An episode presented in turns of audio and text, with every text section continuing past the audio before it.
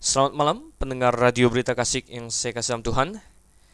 Sungguh bahagia bagi saya untuk memiliki kesempatan bersama dengan Anda dalam acara Mutiara Kebenaran, membahas kebenaran firman Tuhan pada malam hari ini. Iya, saya Dr. Stephen Einstein Liao akan bersama dengan Anda untuk bersama-sama membahas perjanjian lama dan kita ada dalam seri Kitab Kejadian. Kita sudah sampai dalam pasal yang ke-19 pada malam hari ini karena kita pasal demi pasal bergerak maju membahas kebenaran firman Tuhan secara sistematis. Saya katakan bagi Anda bahwa hanya di Radio Berita Klasik lah Anda mendapatkan pemaparan firman Tuhan yang sistematis dengan Tuhan. Di mana uh, mulai dari setiap pasal perjanjian baru sudah dibahas dalam acara Through the Bible oleh Dr. Soento Liao dan uh, pasal-pasal dalam perjanjian lama juga akan kita bahas dalam acara Mutiara Kebenaran ini. Baiklah, pendengar sekalian yang saya kasih Tuhan, saya ajak kita untuk membuka Alkitab kita bersama pada saat ini. Kita buka Alkitab kita di dalam kejadian pasalnya yang ke-19. Nah, sebelum kita mulai lebih lanjut, saya ajak kita untuk berdoa terlebih dahulu. Bapak yang surga, kami ucap syukur ya Tuhan, karena Engkau begitu baik kepada kami. Engkau telah menyediakan segala kasih karunia yang begitu besar untuk kami. Bahkan termasuk malam ini kami dapat berkumpul bersama walaupun di udara ya Tuhan. Teknologi yang Kau ciptakan bagi manusia untuk bisa uh, siaran radio, kesempatan firman-Mu terutama yang Engkau Engkau jaga, Engkau pelihara bagi kami semua pada pagi hari ini. Tuhan kami mengucap syukur untuk itu. Kami ingin merenungkannya ya Tuhan pada saat ini. Kiranya Engkau yang memimpin kami semua agar kami dapat uh, merenungkannya dengan baik dan kami sampai kebenaran kebenaran firman-Mu. Oh Tuhan, kami sungguh berdoa dan kami mengucap syukur dalam nama Yesus Kristus, Tuhan dan Juru Selamat kami yang hidup. Amin. Baik. Bapak Ibu, Saudara yang kasih Tuhan, mari kita buka Alkitab kita bersama-sama di dalam Kejadian pasalnya yang ke-19 ya. Kejadian pasalnya yang ke-19 kalau Anda memiliki Alkitab dekat Anda, mari kita bukanya bersama-sama dan saya akan baca dulu ayat 1 hingga ayatnya yang ketiga. Kedua malaikat itu tiba di Sodom pada waktu petang. Lot sedang duduk di pintu gerbang Sodom dan ketika melihat mereka, bangunlah ia menyongsong mereka lalu sujud dengan mukanya sampai ke tanah serta berkata, Tuan-tuan, silakanlah singgah ke rumah hambamu ini, bermalamlah di sini dan basuhlah kakimu, maka besok pagi tuan-tuan boleh melanjutkan perjalanannya. Jawab mereka, tidak, kami akan bermalam di tanah lapang. Tetapi karena ia sangat mendesak mereka, singgahlah mereka dan masuk ke dalam rumahnya. Kemudian ia menyediakan hidangan bagi mereka. Ia membakar roti yang tidak beragi, lalu mereka makan. Pasal 19 melanjutkan cerita di pasal 18 di mana ada tiga orang saudara kasih Tuhan yang mengunjungi Abraham. Dan kita tahu bahwa salah satu dari ketiga orang itu tidak lain adalah Tuhan sendiri yaitu Yesus Kristus di dalam wujudnya sebelum dia menjadi manusia saudara Tuhan atau yang kita sebut sebagai tubuh preinkarnasinya datang untuk menghampiri Abraham. Sedangkan duanya lagi adalah dua orang yang ikut dengan dia, maksudnya dalam rupa orang dan kita diberitahu di pasal 19 ini bahwa sebenarnya mereka berdua adalah malaikat, Saudara Tuhan. Dan ini memberitahu kita bahwa malaikat memang bisa mengambil rupa manusia, bahkan bisa dipegang, disentuh, bercakap-cakap bukan semacam uh, fantasi atau fantom atau hologram begitu, tetapi sungguh-sungguh uh, memiliki materi, mengambil tubuh yang memiliki materi, saudara yang Tuhan. Dan kita lihat, saudara yang Tuhan, uh, kedua malaikat itu pergi bergerak ke arah Sodom pada waktu itu. Dan di pasal 18 kita sudah lihat bagaimana Tuhan menyatakan bahwa uh, keluh kesah manusia atau orang-orang tentang Sodom sudah begitu luar biasa dan sudah mencapai Tuhan dan Tuhan ingin turun melihat-lihatnya. Tentu bukan berarti bahwa uh, Tuhan tidak tahu apa yang terjadi tanpa turun melihat-lihat, tetapi ini semacam suatu uh, untuk menunjukkan kepada manusia bahwa memang Tuhan sudah melihatnya. Dan kita ketemukan di sini bahwa rupanya kedua orang yang adalah malaikat tadi itu yang bersama-sama dengan Abraham yang yang Abraham jamu di siang harinya, pada petang harinya barulah mereka mendekat kepada kota Sodom, saudara Tuhan. Dan waktu itu Lot sedang duduk di pintu gerbang Sodom. Dan ini memberitahu kita bahwa Lot nah tentunya merupakan seorang yang cukup terpandang di kota itu ya. Cukup terpandang karena apa? Biasanya orang-orang terpandang atau tua-tua lah yang duduk di gerbang uh, kota dan kita mendapatkan dari penemuan-penemuan arkeologi bahwa uh, biasanya di, di gerbang kota itu ada tempat duduk, saudara ada tempat duduk dan di gerbang kota lah pada zaman itu diadakan transaksi bisnis, diadakan uh, pertemuan-pertemuan penting dan orang-orang yang uh, lebih berpengaruh biasanya akan duduk di di gerbang kota, saudara dan Lot pada saat itu sedang duduk di situ dan segera ketika dia melihat uh, dua orang ini, yang Tuhan, dia berlari mendapatkan mereka dan menyambut mereka. Dan uh, kita melihat di sini sama seperti Abraham juga menyambut sangat baik ketiga orang tamunya, demikian juga Lot menyambut mereka dengan sangat baik. Tentunya ini merupakan uh, suatu kebiasaan yang sangat baik, yaitu menyambut tamu dengan sangat-sangat ramah, saudara Tuhan. Dan memang adalah kebiasaan pada zaman itu bahwa tamu diperlakukan dengan sangat spesial. Tetapi sama seperti Abraham, mungkin juga Lot ada sedikit banyak curiga bahwa tamu yang datang ini adalah lain daripada yang lain. Kita akan melihat mengapa demikian selanjutnya ya. Mungkin dia agak curiga bahwa ini adalah uh, seorang tamu yang yang lain daripada yang lain ya. Uh, dan uh, Lot ya berkata atau langsung mengundang mereka untuk bermalam di rumahnya. Nah, pada awalnya kedua malaikat ini menolak kasih Tuhan. Mereka berkata, "Tidak, ya. Kami tidak mau, ya."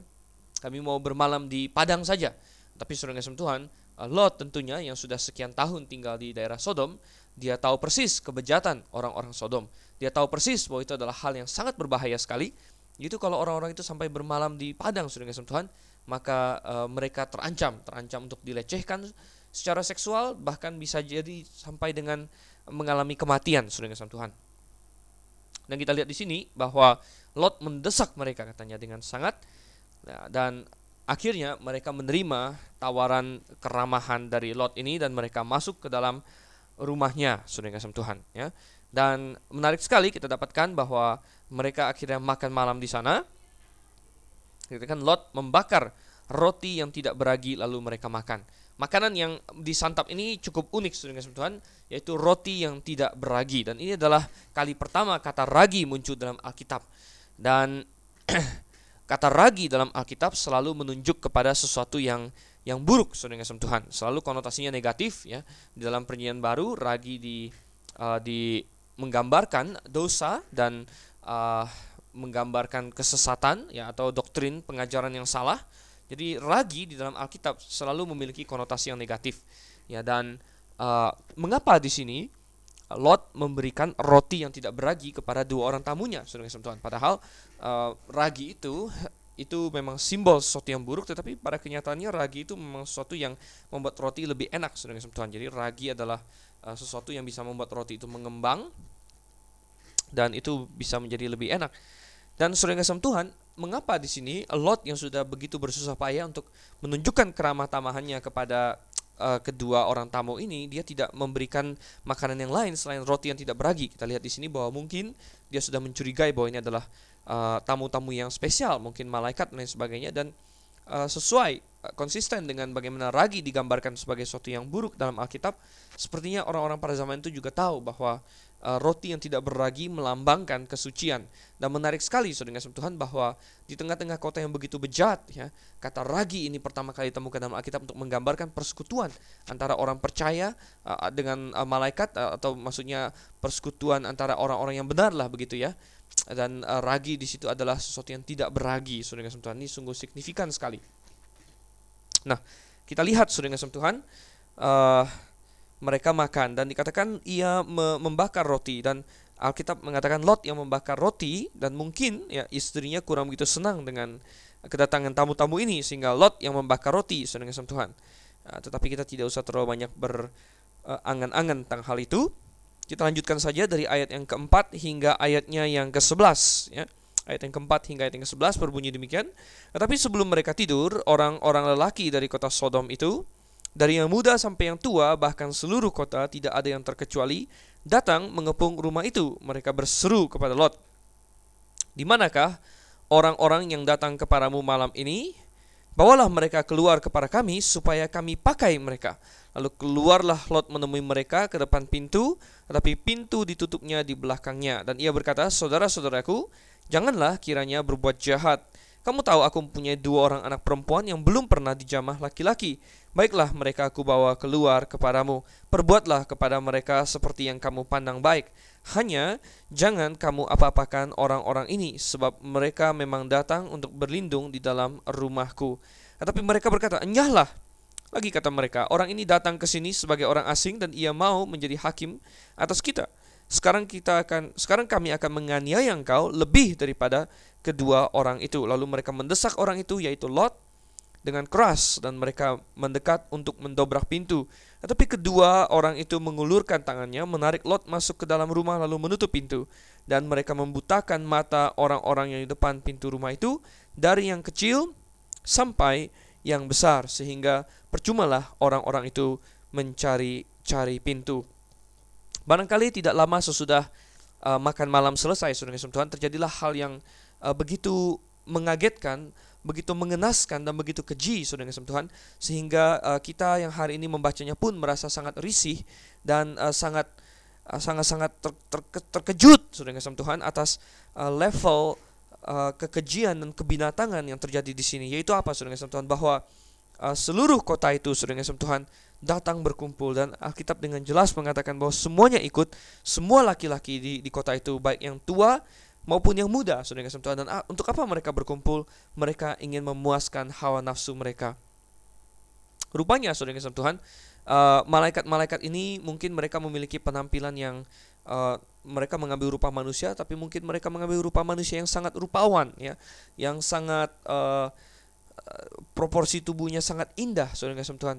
Dan uh, tentunya ini menarik perhatian bagi orang-orang Sodom yang begitu bejat ini dan mereka datang mengepung kota itu untuk katanya uh, menuntut kedua tamu Lot itu diserahkan agar mereka pakai mereka. Dan ini mengacu kepada dosa homoseksualitas. Bukan saja ini mengacu kepada dosa perkosaan sudah tapi juga homoseksualitas. Dan kedua-duanya merupakan kekejian di mata Tuhan ya. Jadi dosa homoseksualitas itu sendiri sudah merupakan dosa yang uh, begitu keji di mata Tuhan. Apalagi saudara ditambah bahwa ini bukan sekedar homoseksualitas yang suka sama suka, saudara, tapi adalah pemaksaan ya, pemerkosaan uh, dan uh, bahkan mungkin mungkin sekali akan diakhiri dengan pembunuhan karena apa? Uh, jikalau mereka berdua berontak terus dan sebagainya, ya penganiayaan terus berlanjut dan uh, itu bisa sampai kepada pembunuhan. Dan saudara Tuhan, ini adalah suatu tingkat kekejian yang luar biasa Jikalau ada orang yang sekali dua kali jatuh dalam dosa itu, mungkin itu sudah merupakan hal yang begitu uh, buram, begitu gelap di dalam uh, sejarah orang itu. Tetapi di sini kita lihat, saudara yang Tuhan, bahwa hal ini bukan lagi sesuatu yang malu-malu, tapi ini adalah sesuatu yang sudah uh, diiakan oleh seluruh kota. Ini adalah suatu ke kejahatan yang sudah ditolerir, bukan saja ditolerir di kota itu, bahkan uh, seolah-olah difasilitasi, ya, di gembar-gemborkan dan tidak ada rasa malu lagi dalam melakukan kejahatan ini. Oh, saudara yang kesam Tuhan, ini kita melihat betapa dunia juga mengarah ke arah yang sama. Dan dosa Sodom ini uh, semakin terulang, saudara yang kesam Tuhan. Semakin terulang, kita harus berhati-hati. Dan uh, dunia sekarang ini uh, makin menerima homoseksualitas, saudara yang kesam Tuhan. Makin menerima laki-laki yang bersetubuh dengan laki-laki. Dan di negara-negara barat itu sudah parah sekali di mana para kaum homoseksual ya bukan saja mereka uh, melakukannya tetapi mereka bahkan menuntut agar semua orang mengakui mereka sebagai uh, suatu jalan hidup yang benar Saudara. Dan uh, psikologi-psikologi sekuler yang tidak tahu apa-apa bahkan melabel uh, homoseksualitas bukan sebagai penyakit lagi ya Zaman dulu tahun 50-an, 60-an homoseksualitas dianggap sebagai salah satu penyakit psikiatri. Tapi kemudian sekarang sudah di, dicoret, sudah bukan dianggap sebagai suatu ke, kelainan atau penyakit, tapi dianggap sebagai gaya hidup, Saudara, gaya hidup alternatif. Oh, Saudara kasih Tuhan. Dan ini adalah hal yang sangat bertentangan dengan firman Tuhan. Bahkan ada banyak gereja-gereja yang berkompromi, ya. Gereja-gereja yang sudah menerima bukan hanya menerima jemaatnya homoseksual, bahkan ada hamba Tuhannya ditabiskan yang homoseksual dan lain sebagainya. Oh, ini gereja-gereja liberal saudara kasih Tuhan. Dan mereka mencoba memakai Alkitab untuk um, membuktikan bahwa oh, homoseksualitas itu sebagai sesuatu yang sah. Tetapi mereka sama sekali tidak memiliki dasar. karena Alkitab dengan jelas sekali menentang apa yang kita sebut sebagai homoseksualitas, yang kasih Tuhan. Uh, Alkitab dengan jelas menentangnya. Coba kita buka dalam perjanjian lama, yang kasih Tuhan. Kita buka dalam imamat pasalnya yang ke-20 ya. Imamat pasalnya yang ke-20 kita lihat ayat Alkitab yang dengan jelas menentang homoseksualitas. Dikatakan Imamat 20 ayat yang ke-13 Bila seorang laki-laki tidur dengan laki-laki Secara orang bersetubuh dengan perempuan Maka keduanya melakukan suatu kekejian Pastilah mereka dihukum mati Dan darah mereka tertimpa kepada mereka sendiri Bukan saja ini hal yang begitu menggelikan dan bertentangan dengan alam semesta. Ini juga adalah hal yang merupakan kekejian di hadapan Tuhan. Dan Tuhan memberikan hukuman mati atas dosa ini. Nah tentu hari ini uh, gereja tidak menghukum mati orang saudara Tuhan tetapi waktu ini ditulis kita imamat ditulis ini adalah sebagai hukum sipil ya. Hukum sipil bagi uh, negara Israel. Dan ini menunjukkan betapa Tuhan membenci perbuatan itu. Tetapi Tuhan sudah menubuatkan bahwa di akhir zaman memang akan ada banyak yang seperti itu. Coba kita buka dalam Roma pasal yang pertama saudara kasih Tuhan. Roma pasalnya yang pertama untuk menunjukkan bahwa uh, mereka ini ya yaitu siapa? Orang-orang Sodom dan orang-orang uh, pengikut Sodom pada hari ini, orang-orang yang, yang menamakan diri mereka gay, lesbian, ya, uh, homoseksual, yaitu saya sebut mereka pengikut Sodom, saudara. Orang-orang yang pengikut Sodom hari ini, coba kita lihat di dalam ayatnya yang ke-24, saudara, Roma pasal 1, ayat 24 dan seterusnya, dikatakan, karena itu, Allah menyerahkan mereka kepada keinginan hati mereka akan kecemaran, sehingga mereka saling mencemarkan tubuh mereka, sebab mereka menggantikan kebenaran Allah dengan dusta, dan memuja dan menyembah makhluk dengan melupakan penciptanya yang harus dipuji selama-lamanya. Amin.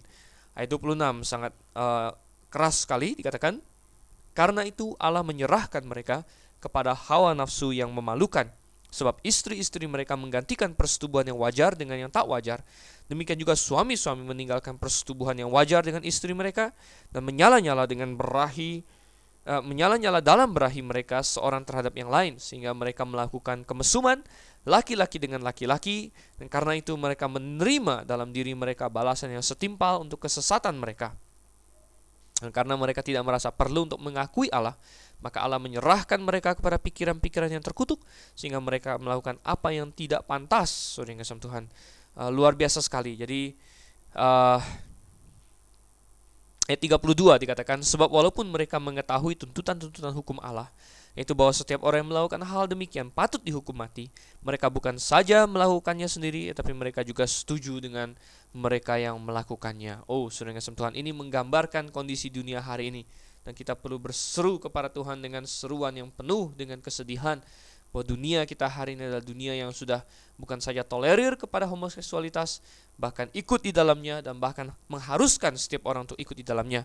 Anda boleh baca banyak berita-berita, uh, kita ada bulletin Gits sering kasih Tuhan, Anda boleh cari di Yahoo Groups ya, ada dari internet kita mailing list uh, Graf International Theological Seminary, kita bahas tentang berita-berita yang terbaru dalam dunia Kristenan yang kita dapatkan Betapa di Kanada misalnya sudah begitu liberal di Eropa juga. Kalau Anda berkhotbah untuk mengatakan bahwa homoseksualitas adalah dosa, bahwa itu adalah hal yang keji di mata Tuhan, Anda bisa dipenjara, Saudara Tuhan. Anda bisa didenda. Itu merupakan suatu pelanggaran hukum di sana.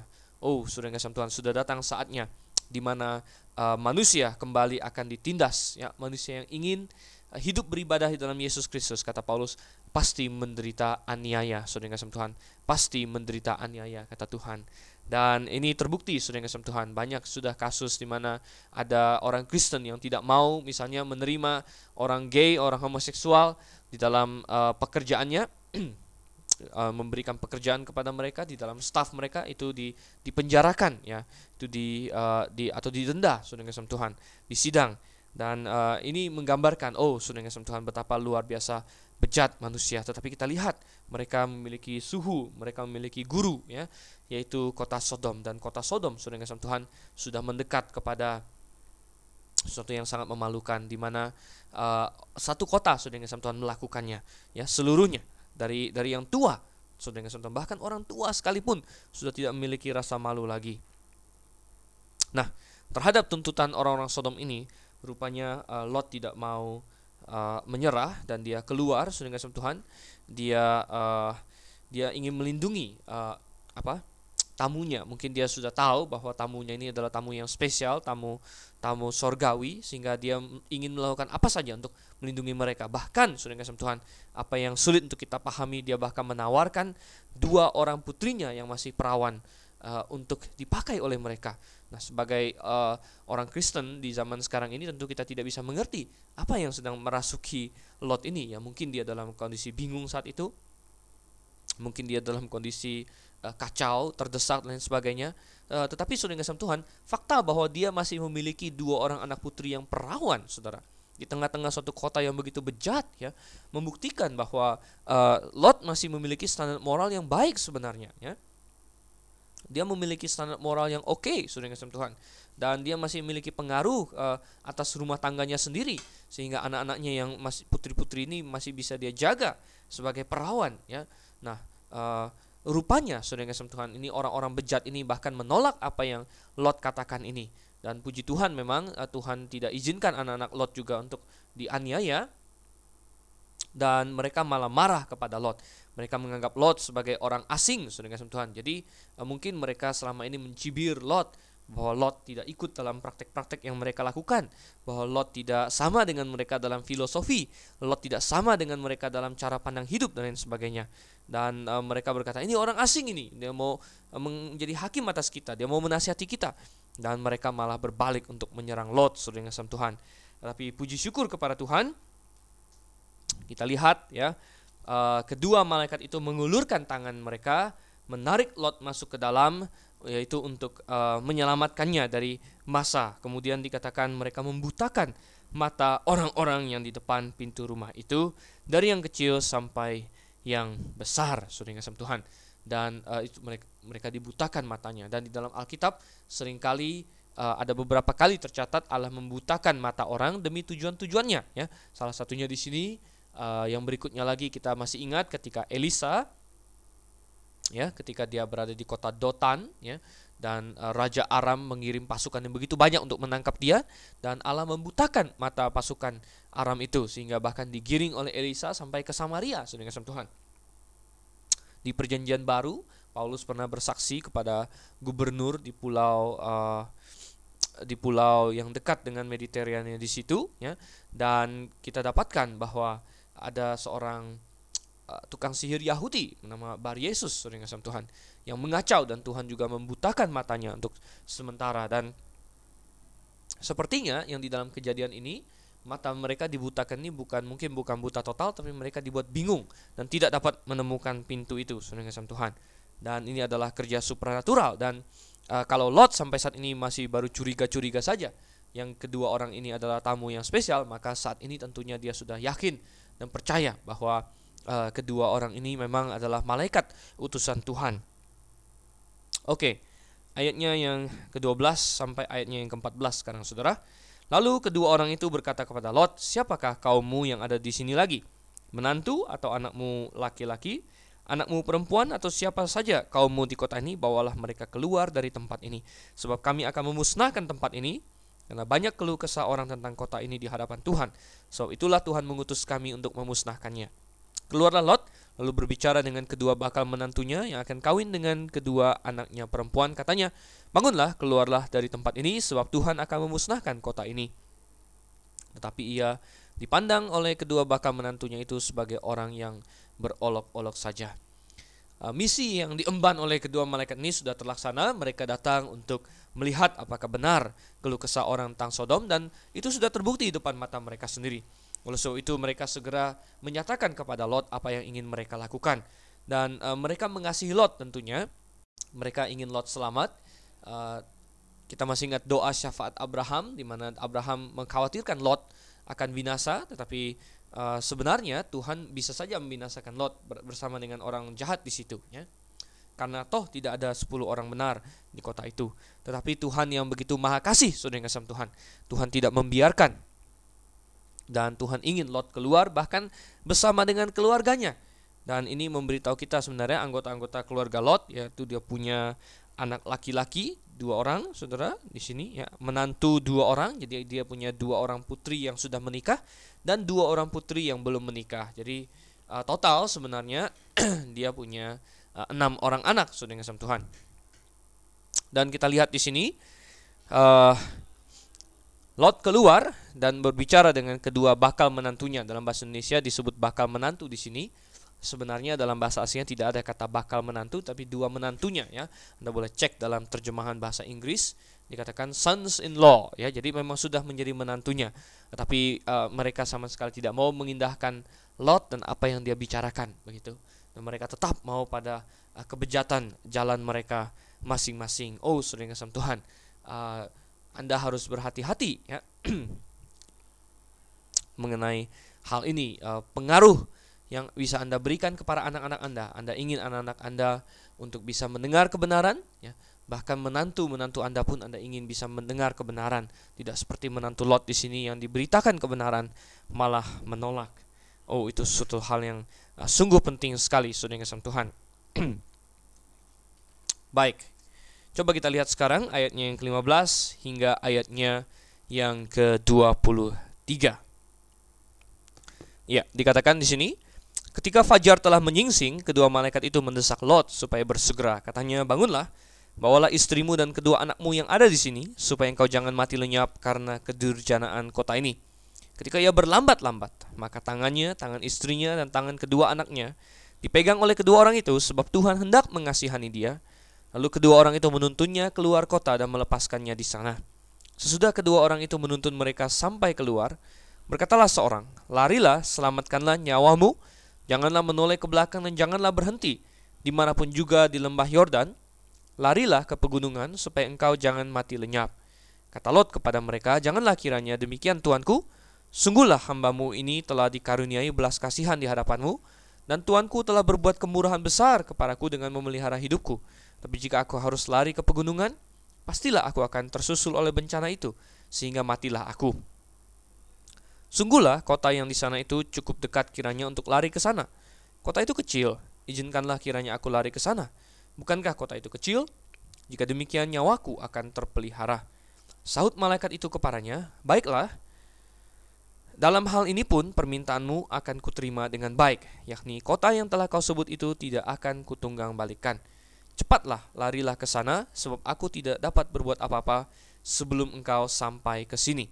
Itulah sebabnya nama kota itu disebut Zoar. Matahari telah terbit menyinari bumi ketika Lot tiba di Zoar. Nah, saudara yang Tuhan, uh, di sini kita dapatkan kebenaran lagi, di mana uh, Tuhan ya mendesak melalui malaikat-malaikatnya Lot untuk bersegera, ya. Cepat, ya. Uh, larikan dirimu, ya. Uh, cepat selamatkan dirimu. Dan kita dapatkan hal yang sangat luar biasa di sini bahwa dikatakan di ayat 16 ketika ia berlambat-lambat oh sudah Tuhan Lot berlambat-lambat untuk keluar dari zona pembinasaan. Dan ini membuat kita bertanya-tanya mengapa ia berlambat-lambat? Tapi pada kenyataannya sudah Tuhan hari ini pun banyak orang yang dalam ambang kebinasaan mereka pun berlambat-lambat untuk menyelamatkan diri sama seperti Lot sudah Tuhan jadi Jangan kita terlalu heran kepada Lot. Jangan kita bertanya-tanya, Lot, mengapa engkau begitu bodoh? Mengapa engkau tidak segera lari? Malaikat sudah di depanmu, mereka sudah eh, menyuruhmu untuk pergi. Eh, mengapa engkau berlambat-lambat? Tetapi saudara yang Tuhan, mari kita introspeksi diri. Apakah saya juga berlambat-lambat untuk menyelamatkan diri saya, untuk diselamatkan? Adakah orang lain yang berlambat-lambat? Dan kita perlu lihat hal ini, saudara yang kasih Tuhan. Nah, coba kita analisa sebentar, Suning Sam Tuhan. Mengapakah ada orang yang berlambat-lambat dalam masalah keselamatan? Alasan pertama yang saya temukan, banyak orang yang berlambat-lambat untuk memberi diri selamatkan adalah karena dia tidak tahu bahwa dirinya sedang berada dalam mara bahaya. Orang yang sedang uh, istilahnya tersesat, kadang-kadang dia tidak tahu bahwa dia tersesat. Orang yang sedang dalam bahaya sering kali tidak tahu dia sedang berada dalam bahaya. Katakanlah suatu ruangan Sebentar lagi akan meledak, saudara yang Tuhan. Dan Anda tidak tahu itu, maka Anda tidak akan bergegas-gegas untuk keluar dari situ. Tapi kalau Anda tahu bahwa ruangan di mana Anda berada sekarang, sebentar lagi akan meledak, tentu Anda akan segera keluar dari tempat itu, tidak akan berlambat-lambat. Oh, saudara yang Tuhan. Banyak orang hari ini tidak tahu mereka sedang berada dalam bahaya. Banyak orang berpikir saya baik-baik saja. Mungkin Anda berpikir juga demikian. Mungkin Anda berpikir, ah saya baik-baik saja. Saya ada pekerjaan, saya ada keluarga, saya ada ini itu.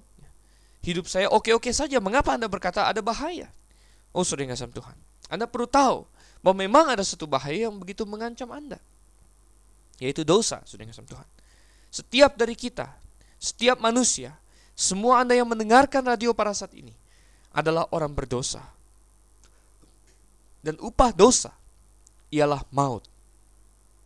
Di dalam Alkitab dikatakan Roma 6 ayat 23, upah dosa ialah maut. Kapan saja kita mati, sudah ngasam Tuhan, maka kita akan masuk neraka jikalau kita adalah orang berdosa. Inilah bahaya yang mengancam kita. Coba kita buka satu ayat di dalam Yohanes pasalnya yang ketiga, sudah ngasam Tuhan. Yohanes pasal yang ketiga ayatnya yang ke-18 dikatakan di situ barang siapa percaya kepadanya ia tidak akan dihukum. Barang siapa tidak percaya ia telah berada di bawah hukuman sebab ia tidak percaya dalam nama anak tunggal Allah. Semua orang yang sudah berdosa berada di bawah penghukuman. Dan penghukuman itulah bahaya yang begitu besar yang mengancamnya saudara kasih Tuhan. Kita lihat lagi ya bagaimana sering asam Tuhan, uh, orang suka berlambat-lambat. Kalau Anda berlambat-lambat karena Anda belum mengetahui bahaya, maka Anda sudah mendengarnya dari diri saya pada malam hari ini. Bahwa jikalau Anda mati, maka Anda akan masuk neraka karena Anda adalah orang yang berdosa. Oh, sudah ngasam Tuhan. Lalu adakah cara untuk menyelesaikan dosa itu? Adakah cara untuk masuk surga? Oh, sungguh ada, saudara yaitu dosa harus diselesaikan terlebih dahulu. Ya, tapi bagaimana cara menyelesaikan dosa ini? Ada orang yang ingin menghilangkan dosa dengan cara berbuat baik. Tetapi itu tidak mungkin, sudah Tuhan. Karena apa? Ketika Anda melanggar undang-undang, ketika Anda uh, berbuat jahat, Anda misalnya mencuri atau membunuh orang, Anda tidak akan lepas dari hukum hanya dengan berbuat baik.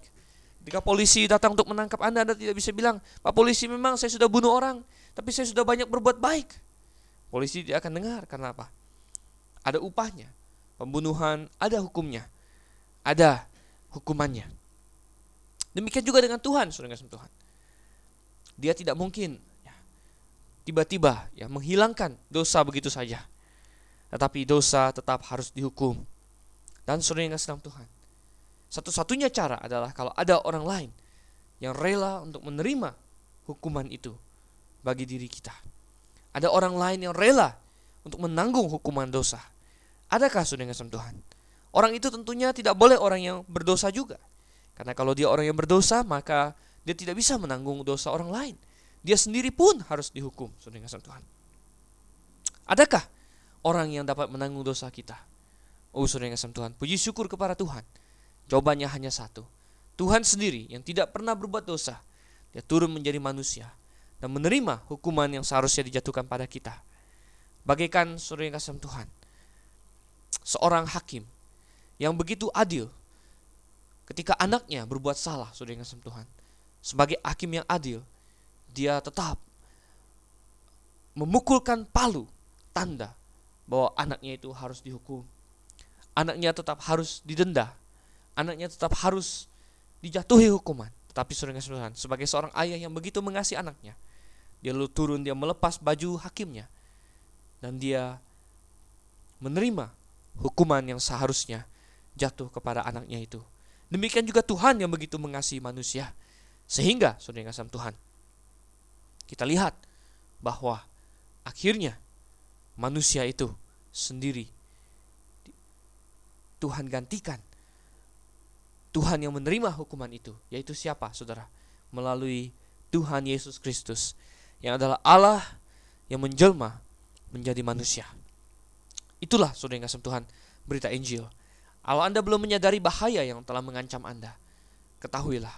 Dan Anda juga ketahuilah cara untuk keluar dari bahaya itu. Yaitu dengan percaya dan bertobat. Bertobat dan percaya kepada Yesus Kristus. Percaya apa saudara? Percaya bahwa dia adalah Tuhan yang datang menjadi manusia. Percaya bahwa dia mati di kayu salib untuk menggantikan semua dosa Anda. Percaya bahwa Allah membangkitkan dia dari antara orang mati pada hari yang ketiga. Percaya bahwa dia kini di sorga. Dan percaya bahwa kita harus bertobat dan menerima dia sebagai Tuhan Juru Selamat untuk dapat diselamatkan. Jikalau kita percaya akan hal itu, saudara yang Tuhan, maka kita beroleh keselamatan. Di dalam Roma, saya bukakan Roma pasalnya yang ke-10 ayat yang ke yang ke-9 dan yang ke-10 dikatakan sebab jika kamu mengaku dengan mulutmu bahwa Yesus adalah Tuhan dan percaya dalam hatimu bahwa Allah telah membangkitkan dia dari antara orang mati maka kamu akan diselamatkan. Karena dengan hati orang percaya dan dibenarkan dan dengan mulut orang mengaku dan diselamatkan. Oh saudara yang kasih Tuhan. Luar biasa sekali firman Tuhan di tempat ini. Dan kita lihat saudara yang kasih Tuhan. Mengapa Anda perlu berlambat-lambat? Anda sudah tahu. Bahaya mengancam Anda, Anda sudah tahu pula cara untuk mendapatkan keselamatan itu. Jangan berlambat-lambat seperti Lot, saudara yang Tuhan. Mungkin selain orang yang tidak tahu bahaya, ada orang yang berlambat-lambat juga karena dia merasa dia perlu menunggu perasaannya eh, siap untuk menerima Yesus. Oh, saudara yang Tuhan. Kadang-kadang ada kita orang kita ajak dia, ayo percaya kepada Yesus. Oh, saya belum mood katanya saya belum uh, perasaan saya belum tergugah. Oh, itu omong kosong sudah kasih Tuhan. Ketika kita sadar akan bahaya itu, maka tidak peduli perasaan kita. Kalau kita bijaksana, kita perlu untuk meloloskan diri. Karena ketika bencana itu datang, tidak peduli perasaan Anda, Anda akan hilang, hanyut, hancur sudah kasih Tuhan. Misalnya soal sebuah gunung berapi akan meletus. Anda sudah diperingatkan. Ayo cepat mengungsi. Gunung bisa meletus kapan saja. Mungkin ada orang yang uh, berkata, "Oh, saya belum siap. Saya masih kangen dengan tempat ini." Atau perasaan saya tidak enak menyuruh saya untuk pergi sana kemari. Saya ingin tinggal dulu sebentar di sini. Berlambat-lambat, tetapi ketika bencana datang, Saudara, tidak peduli perasaan Anda, Anda toh akan binasa. Jangan anggap main-main. Masalah bahaya yang mengancam kita adalah masalah kekekalan, yaitu neraka yang kekal, Saudara yang Tuhan.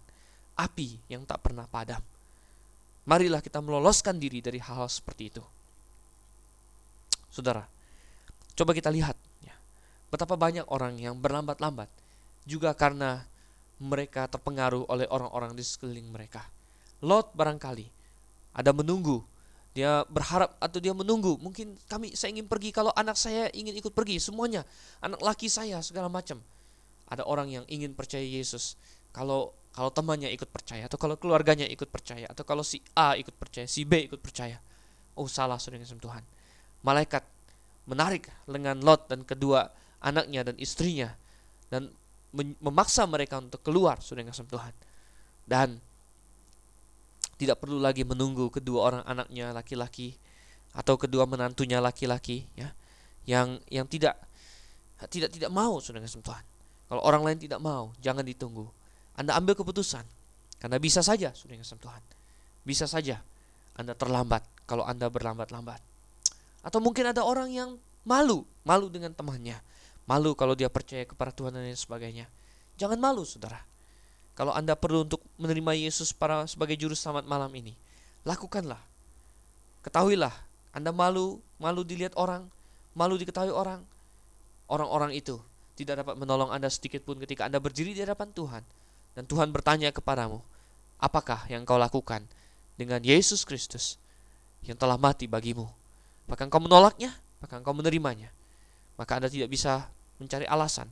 Tuhan, saya menolaknya karena saya malu. Oh, saudara, alasan itu tidak akan berfungsi bagi Anda. Anda terpaksa menanggung dosa-dosa Anda sendiri dalam neraka. Oh, saudara yang Tuhan. Kita lihat lagi.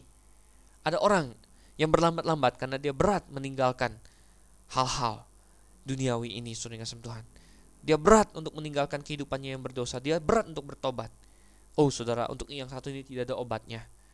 Tetapi Anda harus bisa melihat betapa betapa Anda sedang dalam jalan yang salah dan perlu untuk menyelamatkan diri.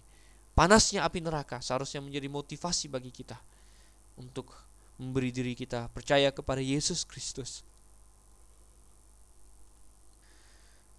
Ya, baik saudara yang Tuhan. Dan kita lihat di sini bagaimana Lot, saudara, ya. Lot dia pergi, ya. dia pergi dari kota itu dengan sedikit di dipaksa dibantu oleh malaikat tapi akhirnya dia pergi juga. Tapi kita lihat bagaimana Lot adalah orang yang suka berkompromi. Oleh sebab itulah dia tinggal di Sodom, saudara yang Tuhan. Orang yang uh, memisahkan diri dari dunia ini, dia tidak akan tinggal di Sodom, dia tidak akan betah di situ. Dia akan pergi jauh-jauh. Kita tahu bahwa Lot tinggal di Sodom karena masalah ekonomi. Di situ ada uh, harta yang melimpah. Tetapi kini dia harus meninggalkan semuanya itu dengan berat hati, saudara yang Tuhan. Dan Tuhan suruh dia pergi ke gunung, saudara. Tetapi dia tidak mau. Dia malah meminta untuk pergi ke kota lain yang kecil. Mungkin dia pikir kalau dia pergi ke gunung, tidak ada lagi kesempatan untuk mencari harta yang banyak dan lain sebagainya. Oleh karena itu dia memilih untuk pergi ke suatu kota kecil yang disebut Zoar di sini. Tadinya Zoar juga mau dimusnahkan oleh Tuhan. Tapi Lot meminta agar Zoar tidak dimusnahkan dan dia boleh lari ke sana. Nah, saudara yang Tuhan dan akhirnya Tuhan pun mengizinkan hal itu bagi Lot. Tapi kita lihat belakangan bahwa hal itu tidak berguna baginya. Kita baca sekarang ayatnya yang ke-24, Saudara, hingga ayatnya yang ke-29. Ayat 24 hingga ayat ke-29 berbunyi demikian. Kemudian Tuhan menurunkan hujan belerang dan api atas Sodom dan Gomora, berasal dari Tuhan dari langit. Dan ditunggang balikkannya lah kota-kota itu dan lembah Yordan dan semua penduduk kota-kota serta tumbuh-tumbuhan di tanah. Tetapi istri Lot yang berjalan mengikutinya menoleh ke belakang, lalu menjadi tiang garam. Ketika Abraham pagi-pagi pergi ke tempat ia berdiri di hadapan Tuhan itu dan memandang ke arah Sodom dan Gomora serta ke seluruh tanah lembah Yordan, maka dilihatnya lah asap dari bumi membumbung ke atas sebagai asap dari dapur peleburan. Demikianlah pada waktu Allah memusnahkan kota-kota di lembah Yordan dan menunggang balikkan kota-kota kediaman Lot. Maka Allah ingat kepada Abraham lalu dikeluarkannya lah Lot dari tengah-tengah tempat yang ditunggang balikkan itu. Akhirnya Tuhan menurunkan hujan belerang, saudara Tuhan. Dikatakan di sini, dikatakan uh, Tuhan menurunkan ya hujan belerang, saudara yang Tuhan, ya dan api, saudara yang Tuhan. Ada belerang, ada api. Sudah akhirnya kota yang begitu bejat itu mendapatkan uh, balasannya yang setimpal. Menarik sekali itu kita temukan di sini ada beberapa hal, saudara. Abraham melihat ke arah kota itu dan melihat kota itu dihancurkan. Tentunya Abraham uh, tahu bahwa tidak ada 10 orang yang benar di kota itu. Oleh sebab itulah Tuhan tetap menghancurkannya. Tetapi menarik sekali bahwa Tuhan menyelamatkan Lot dikatakan di sini karena dia ingat akan Abraham sudah dengan Tuhan.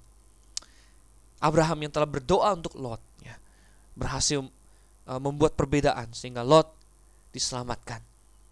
Ini seharusnya membuat kita semakin semangat lagi untuk berdoa bagi orang-orang sanak famili kita, bagi orang-orang yang yang butuh doa-doa kita karena uh, banyak hal bisa berubah karena doa Saudara.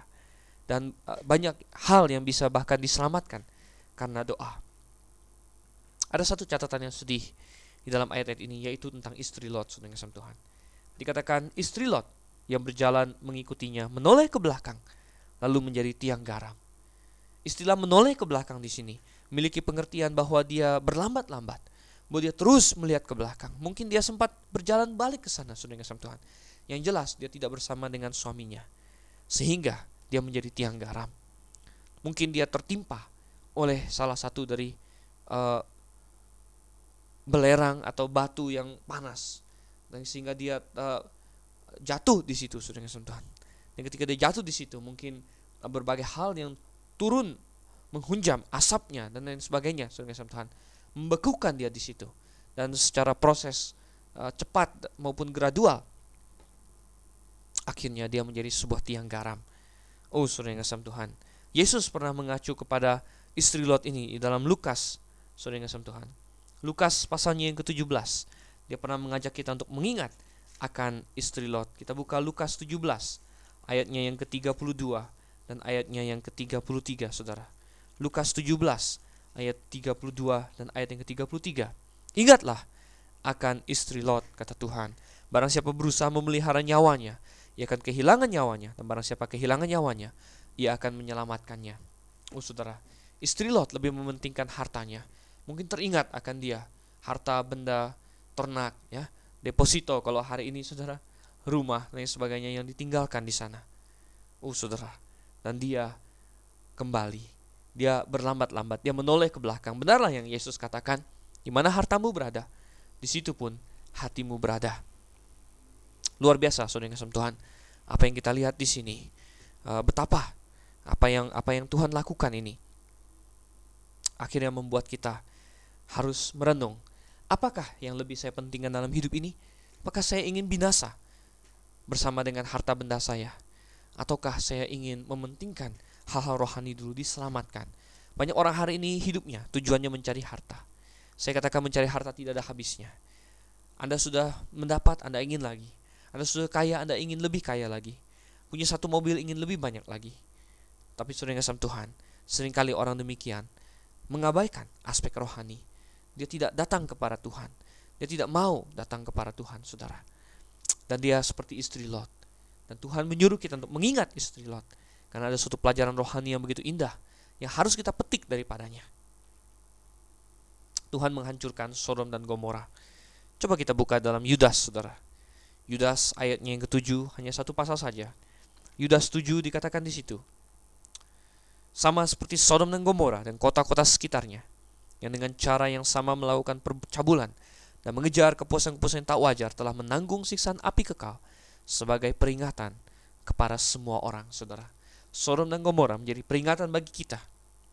Dan hari ini, saudara, banyak yang perlu diperingatkan akan hal ini. Tetapi kita lihat Lot, saudara yang kasih Tuhan. Lot, coba kita buka Lot di dalam uh, eh, 2 Petrus, saudara. 2 Petrus pasalnya yang kedua, ayat yang ke-6 sampai ayat yang ke-8. 2 Petrus 2 ayat 6 sampai 8. Dan jikalau Allah membinasakan kota Sodom dan Gomora dengan api, dan dengan demikian memusnahkannya dan menjadikannya suatu peringatan untuk mereka yang hidup fasik di masa-masa kemudian. Tetapi ia menyelamatkan Lot orang yang benar, saudara. Lot dikatakan sebagai orang yang benar di sini. Oleh karena itu saya percaya Lot diselamatkan. Tetapi mengapa, saudara yang kasih Tuhan, dia bisa ada di Sodom? Mengapa dia memiliki hidup yang akhirnya berakhir begitu tragis seperti akan kita baca sebentar lagi? Dia membuat keputusan yang salah, saudara. Dia tinggal, dia membiarkan dirinya dipengaruhi oleh hal-hal yang salah. Dia membiarkan, katanya, di ayat yang ketujuh sini. Yang terus-menerus menderita oleh cara hidup orang-orang yang tak mengenal hukum dan yang hanya mengikuti hal nafsu mereka saja. Sebab orang benar ini tinggal di tengah-tengah mereka dan setiap hari melihat dan mendengar perbuatan-perbuatan mereka yang jahat itu sehingga jiwanya yang benar itu tersiksa. Oh saudara, dikatakan Lot tinggal di tengah-tengah orang fasik dan itu membuat dia, saudara yang Tuhan, menderita karena dia melihat dan mendengar apa yang mereka lakukan.